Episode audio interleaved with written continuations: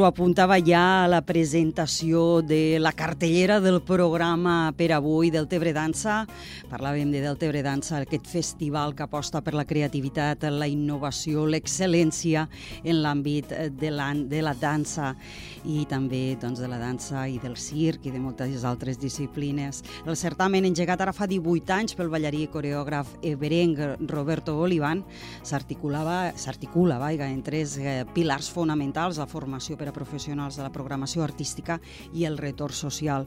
Però a banda, Roberto Olivan té molts més projectes que porta en comba amb els que està treballant. Nosaltres avui, en aquesta primera entrevista, amb ell parlarem d'una banda de la 18a edició, farà balanç, i després també de tots els projectes que estan previstos per en aquesta tardor, com Artèria a Tortosa. Benvingut. Hola, bon dia. Moltes gràcies per estar aquí. Que sàpigues que en aquests moments estàs sortint per Canal T24 Hores. Això suposo que és una novetat de la qual esteu contents, suposo. Eh, no ho sé, això ho han de dir els espectadors. Nosaltres estem bé, que és lo important. Bueno, jo me n'alegro d'estar aquí. Doncs, uh, Roberto, jo contentíssima de que ja hi sigues, perquè m'encanta la teva presència al programa. I sí que m'agradaria, perquè parlàvem durant tota la, totes les rodes de premsa que es van fer quan vas presentar el del Tebre Dansa d'enguany, els xiquets mos fa gran, arribem mm -hmm. als 18 anys. Vale, han passat aquests 18 anys. Quin balanç me fas d'aquesta última edició? Pues, sincerament, eh, estem molt més contents de lo que esperàvem, perquè sempre hi ha aquest neguit de no saber exactament quanta gent ens eh, vindrà, tant com a participants professionals com eh, espectadors. Però crec que ja eh, aquest any hem viscut el que ha sigut la, la conseqüència de lo viscut anteriorment en aquella vida passada que es dia Covid. Sí. I, i, i crec que aquest any no només el del Tebre Dansa, sinó a molts esdeveniments similars, perquè he pogut estar visitant altres festivals, uh -huh. tothom està comentant el mateix, que sembla que s'ha reactivat d'una manera on la gent té moltes ganes de viure i, i, i recuperar potser aquell temps passat o valorar els temps que estem vivint i cada segon és molt important. Per tant, hem tingut més públic mm que mai i hem tingut més participació de, de los participants que diem de la secció professional. Per tant, 48 nacionalitats i exactament 305 ballarins de tot el món. De fet, eh, quan se fa aquesta, la nota de premsa de valoració, se parlava de 8.100 espectadors. Sí, eh, bueno, la carpa, la carpa que, que plantegem durant el Festival del Tebre Dansa té una capacitat, pues, això, prop de les 900 places, i clar, són molts de dies d'actuació. La veritat és que és impressionant. Eh, és curiós com, de vegades, comentant-ho dins del sector en altres programadors, Eh, se va viure una temporada a on les arts escèniques, i en concret la dansa, eh, tenia problemes per a, per a cap, captar nou públic. Sí. I, curiosament, venien cap aquí a visitar del Tebre Dansa i veien que és el contrari, aquí anàvem en creixement. Crec que vam encertar aquesta fórmula en un moment adequat a on eh, hi ha un moviment de descentralització i començar a fer activitats d'aquest tipus, pues, tal com dies abans, també pues, eh, no només eh, artístiques i en, i en una certa qualitat que sempre volem eh, donar-li, sinó que apartar-la de les grans ciutats i fer-la en llocs que no són comuns és, és molt positiu això, aquesta, aquest balanç positiu el fas passat 18 eh, anys en els que ja parlaves que abans de la Covid eh, se pot intuir que has tingut que picar moltíssima pedra, mm. perquè el fet de desvincular-ho dels, dels grans centres culturals, com pugui ser una Barcelona, mm. ciutats grans, clar, això és un valor afegit, però també una complicació afegida. Sí, va ser una complicació molt gran, òbviament, i, i crec que mm, aquí tenim que nombrar a tota aquella gent i aquelles institucions que han ajudat a fer-ho possible. Primera, i com no, a l'Ajuntament de Deltebre, que jo me'n recordo en aquell moment de proposar vindre aquí a Deltebre era no conèixer que, que, de què anava este projecte i com se'l van estimar directament. I aquí vam tindre el lloc, va ser com l'espurna ideal, el lloc ideal per a que això pogués tindre, respirar i viure i, i convertir-se en el que és. I com no, pues, bueno, ajuts de, de subvencions, com no, de, de la mm. Generalitat de Catalunya, de, bueno, de diverses institucions, i, eh, i crec que això l'interès, l'interès de, de la gent jove mm. d'aprendre d'alta qualitat, però ja et dic, en llocs que, que donen esta, este aire per a, de, de relax, de, de tranquil·litat, de que no hi hagi la pressió d'una gran ciutat, però que s'estigui fent molta feina. I aquí sabem que estem en un entorn idíl·lic, llavors tot va ajudar. I com no, l'ajuda de tot l'equip que he tingut eh, darrere de, de tots aquests anys, perquè sense un equip eh, tan valuós i tan potent com que el que he tingut no, no hagués sigut possible. Clar, d'alguna manera el que podia ser una complicació eh, també s'ha acabat eh, convertint en un element diferenciador d'altres mm. festivals. Exacte, exacte, exacte, Diana. Jo crec que això va ser el que sense donar-me un compte i apostant per una idea una mica boja, tot s'ha de dir, perquè... Bueno, transgressora. Transgressora i, i molt arriscada i, i sí, va requerir o, o de molta valentia o, o de molt molta bogeria, perquè és llançar-te de cap a una piscina sense flotador i ple de, de tiburons, no saps com la cosa sortirà. Però hi vaig creure, i en el meu equip vam creure, eh, tant en lo, en lo projecte que era un sí o sí, tirem endavant. I, I és això, que la resposta ha sigut molt, molt positiva i exactament el que tu dius, tot el que en un principi era negatiu se va tornar en molt positiu. No obstant, cada any tenim que continuar picant pedra perquè, bueno, res eh, està... No et pots relaxar. No, no mai, mai. I després jo suposo també que quan tu eh, decidixes, tu i el teu equip, tirar endavant la, aquesta iniciativa i portar professionals i estudiants arreu del món mm. aquí, a Deltebre, tu ja eres un eh, ballarí mm. eh, conegut. Sí, jo crec que la història va començar per allí. Perquè també és molt important, això. -huh. Claro, eh, la confiança d'aquelles persones que volia convidar cap aquí, la confiança de part d'ells de, de assumar-se en aquest projecte ja venia donat perquè ja ens havíem conegut, ja m'havíem vist, ja havia tingut jo la meva carrera com a ballarí a Brussel·les, havia ballat per molts de, de teatres i esdeveniments importants, vam fer bones amistats uh -huh. i, i hi ha un, un, un element de confiança que és vital.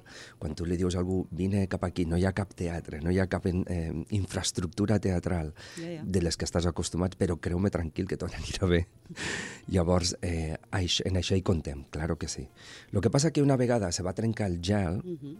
eh, després ja quan la gent ho viu, és la mateixa, la pròpia gent que ha passat per aquí, qui són els los, los millors ambaixadors, ambaixadores de, de, de lo que està passant, perquè quan tornen als seus llocs d'origen, ho comenten, ho diuen, mira, aquí, aquell esdeveniment, és molt xulo, s'ha d'anar.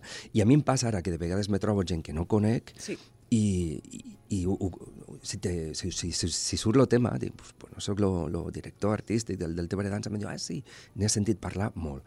Això me passa molt i, i me n'alegra moltíssim. Jo moltes vegades, Diana... molta satisfacció. Sí, i, i, i m'agradaria moltes vegades que des d'aquí, sí. des de Deltebre, pogués la gent escoltar com los de fora parlen de lo que fem aquí, perquè jo crec que és un goig a, a compartir entre tots els deltebrencs i deltebrenques.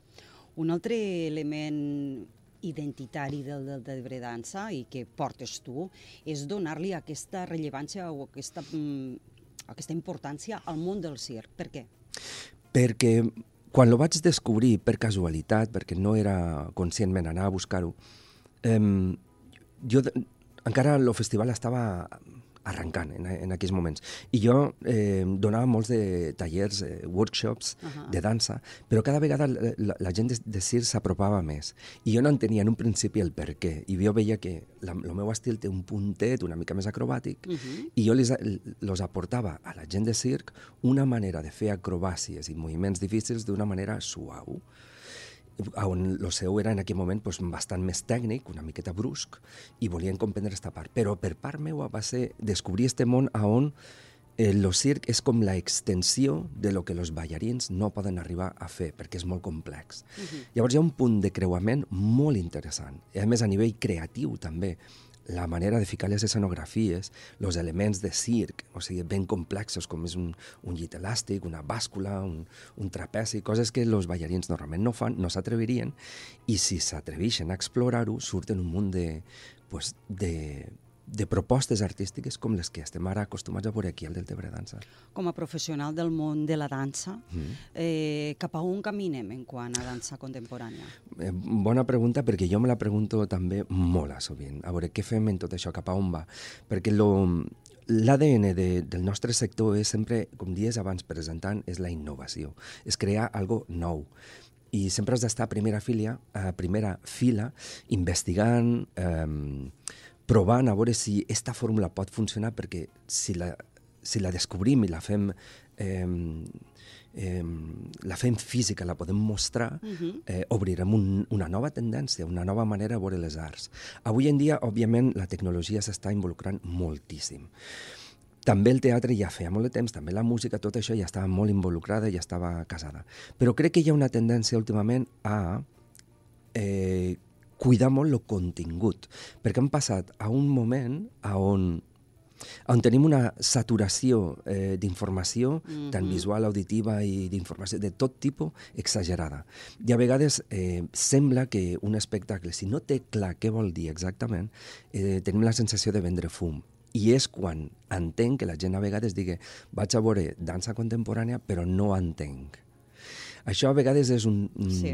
un, un petit detall de que ens està dient de que potser ni el creador o creadora eh, tampoc entén exactament què està fent. Això és un problema. Llavors, el que ara està sent eh, rellevant i molt important és que clarifiquem què volem dir i dir-ho d'una manera molt propera i molt sincera. I en sinceritat, eh, expressant un missatge, crec que arribarem a obrir portes conjuntament en totes aquestes, esta barreja de disciplines que parlarem abans, que és el circ, la dansa, la tecnologia i tot el que sigui que volguéssim provar. T'escolto, però de fet, a veure, caminem cap aquí eh, per les paraules, per el que acabes de dir, però tu ja fa temps que ho portes fent, perquè, per exemple, al teu espectacle Gold, mm -hmm la tecnologia juga un paper molt important, sonor, visual, eh, il·luminació. Els teus espectacles fan molt de temps que porten un compendi d'elements entrellaçats entre ells. I per l'altra banda, ara parlaves de la importància del contingut i que s'entengui eh, mm. el que està fent el ballarí, quina història està traslladant, està explicant. I, per exemple, jo ara estic fent memòria d'aquest del Tebre últim andant, mm. de, del Tebre Dansa, i en recordo d'espectacles que tot, i, i la complexitat d'estar mirant la història, mirant el ball i tot, podies arribar a entendre la història. Clar, aquí hi ha un, un punt molt, molt interessant, perquè parlem de comprendre o no comprendre eh, l'art contemporani. A veure, clarifiquem, perquè és un tema molt peliagut. Mm -hmm. Per un costat, o sigui, no farem, no crec que la solució sigui fer algo literal si volem algú que cau en terra, s'entrompessa, doncs no ficar-me una fusta, s'entrompessa i cau, perquè és literal, ho veiem i ja està, no hi ha res que somiar, res que imaginar. Però en, en les arts eh, escèniques eh, contemporànies, el que sí que es pretén és que se pugui comprendre a nivell eh, d'intuïció, de sensacions, de comprendre a nivell de veure, no que el cervell t'estructure i comprengue A més B igual a C, el que sigui, sí. sinó que viatges eh, per, un, per un paisatge emotiu que t'aporta una sensació clara sigui la que sigui, perquè pot ser molt dispar, i més avui en dia que bueno, hi ha molts de temes pues, bueno, que, que abans no, no, no, o no se tocaven o no existien. I, i esta, aquí es, se tracta, jo crec, que la novetat, i és que segueixo pensant que a l'ésser humà no el podem enganyar. Uh -huh. O sigui, podem veure moltes situacions, sobretot a la tele, de, pues, en certes, certs contextos on sabem que ens estan enganyant i nosaltres ens deixem enganyar, però ja sabem que és un engany. D'acord. Però quan vas a un, a un espectacle així, en arts en viu, la sensació ha de ser real i, i veritable. Durant aquella hora que estaràs aproximada, que estaràs allà sentat, l'ideal seria que esta persona o esta sensació, este context teatral te porti a un viatge emocional que te trague de la teua vida normal, corrent. Jo crec que aquí seria on tocaríem fibra. El que vols és tocar fibra? Sí, sí, exacte. Bueno, jo crec que aquesta és la nostra, la nostra tasca, és eh, fer viatjar hi havia un, un escriptor que, que va dir una vegada que los, los artistes són com exploradors de la societat. Uh -huh. I això em va agradar eh, llegir-ho, perquè és com que entrem dins d'una selva, no sabem per on farem cap i què farem, però si trobem algo eh, que sigui interessant, retornem una altra vegada al gruix de la societat per aportar-los cap allà, allò que s'ha descobert.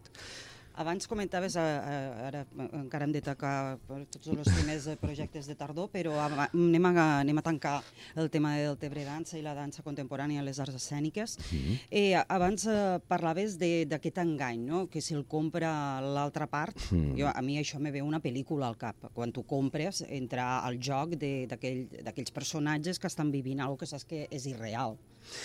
O t'estàs estàs relacionant engany amb estafa? Eh, a veure, si una pel·lícula en teoria seria la mateixa funció que les arts escèniques, jo crec, o sigui que entraríem a... Ah, llavors estàs parlant d'engany com a estafa. Moltes vegades, a veure, no, no, no se pot generalitzar mai, però uh -huh. potser a vegades veiem com certes situacions, jo què sé, pues, eh, certs contexts polítics on sabem que ens estan dient qualsevol ah. cosa i i sabem que és que ho tenen que dir i, i des de l'altra banda sabem, bueno, ja sabem que ho té que dir i, bueno, juguem a aquest joc que, bueno, fem de veure que m'ho crec, però en realitat sabem tu i jo que no va per aquí. I l'art, eh, el que és l'art escènic és una altra cosa, això està eh, Exacte, això seria, això eh, seria l'ideal. L'ideal és que la funció d'aquell artista eh, compromès de veritat eh, profundament, pues, que tot el que faci de veritat aporta un lloc real d'emoció. Que després t'agrada o no t'agrada és un altre tema. Això és un altre tema. Exacte, però aquesta sinceritat crec que és necessària. Eh, ho has definit molt bé i ho has sintetitzat molt bé. Toca la fibra. Ahà, Això ahà. ho entenem tots és universal. Després, uh, i en això ja tanquem eh, del Tebre Dansa, eh, tot, eh, tens una vessant solidària, uh -huh i, uh, i de retorn social, que t'agrada utilitzar aquest concepte. Sí. Dante bé, Roberto?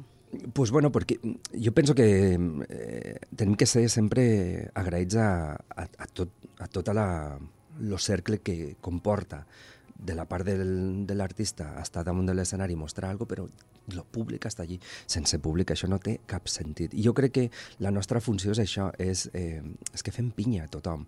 Eh, sé que moltes vegades s'etiqueta els artistes com de eh, faranduleros i, i gent estranya i gent que encara fa coses rares. Sí, bueno, encara, de tant en tant. Però bueno, penso que és, és bo ser raro, ser estrany.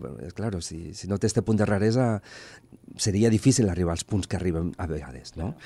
Però és això, és, trobo que estan fent una tasca de la mateixa manera que jo vaig a un ferrer a que me faci un, un element que necessito per a viure. Jo crec que la part esta intangible, interna, profunda, espiritual, dis-li, mm. si vols, eh, mos toca a nosaltres aquesta tasca de portar a la gent cap a un altre lloc que crec que és absolutament necessari, eh, pues bueno, eh, s'ha de comptar en tot això, en, en, en lo públic. I si damunt d'aquest moment d'atenció puntual que se pugui tindre durant un esdeveniment o un espectacle, se pot inclús ajudar a, a, a moviments socials que són vitals, eh, jo crec que és, és el que s'ha de fer. Jo crec que estem obligats a fer-ho.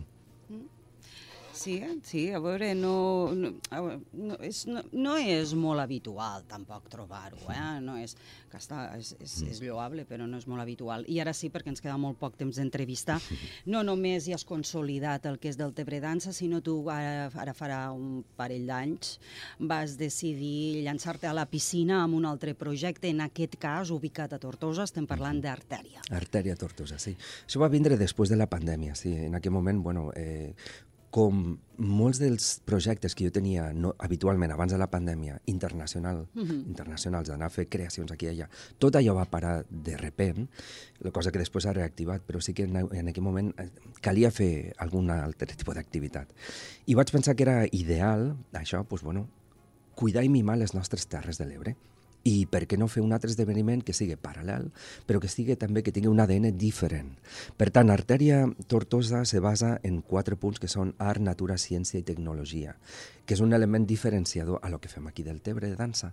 Per tant, crec que les dues coses són eh, completament compatibles i continuem pues, això, eh, investigant dins de, de l'interès artístic de descobrir noves fórmules d'expressió de, artística. Quan arriba la tercera edició? Eh, això serà lo, és un cap de setmana, serà divendres 13, dissabte 14, diumenge 15. És molt curtet, però és molt intens. O sigui, ja començarem... Lo... D'octubre. Eh, sí, perdó, d'octubre, octubre, sí, sí, sí. Llavors, tinc la sensació que obrim l'estiu en Deltebre Dansa i tanquem la caloreta o els últims moments que se pot estar fora en, en Artèria Tortosa. Llavors, utilitzem diversos espais molt importants de Tortosa, com seran, pues, com no, l'auditori de Felip Pedrell mm -hmm. i pues, llocs externs com eh, el passeig central de, del parc eh, Teodor González o el parador de la Suda o la cripta de la reparació. O sigui, jo crec que és important també com traure eh, les arts escèniques fora del seu àmbit de, de, de l'escenari sí, i aprofitar, sí, sí, sí. aprofitar aquelles estructures eh, històriques o especials que té la ciutat. Pel que fa a la programació, alguna... Mm, alguna alguna novetat que pugues explicar? Sí, mira, eh, a part de que bueno, eh, farem cosetes bastant més íntimes eh, i coses de, eh, de caire familiar perquè bueno, portarem com no a la Roser López Espinosa en un espectacle que es diu Cometa. Eh, tot això estarà, mm, estarà a les xarxes i a la pàgina web arteriatortosa.com la setmana que ve, perquè ja estem ultimant tots els detalls. Però sí que hi ha un espectacle que m'agradaria remarcar, que és el propi dissabte per la nit, eh, dia 14 d'octubre, uh -huh. en Solpicó, Natsuki i Carlota Offerholm.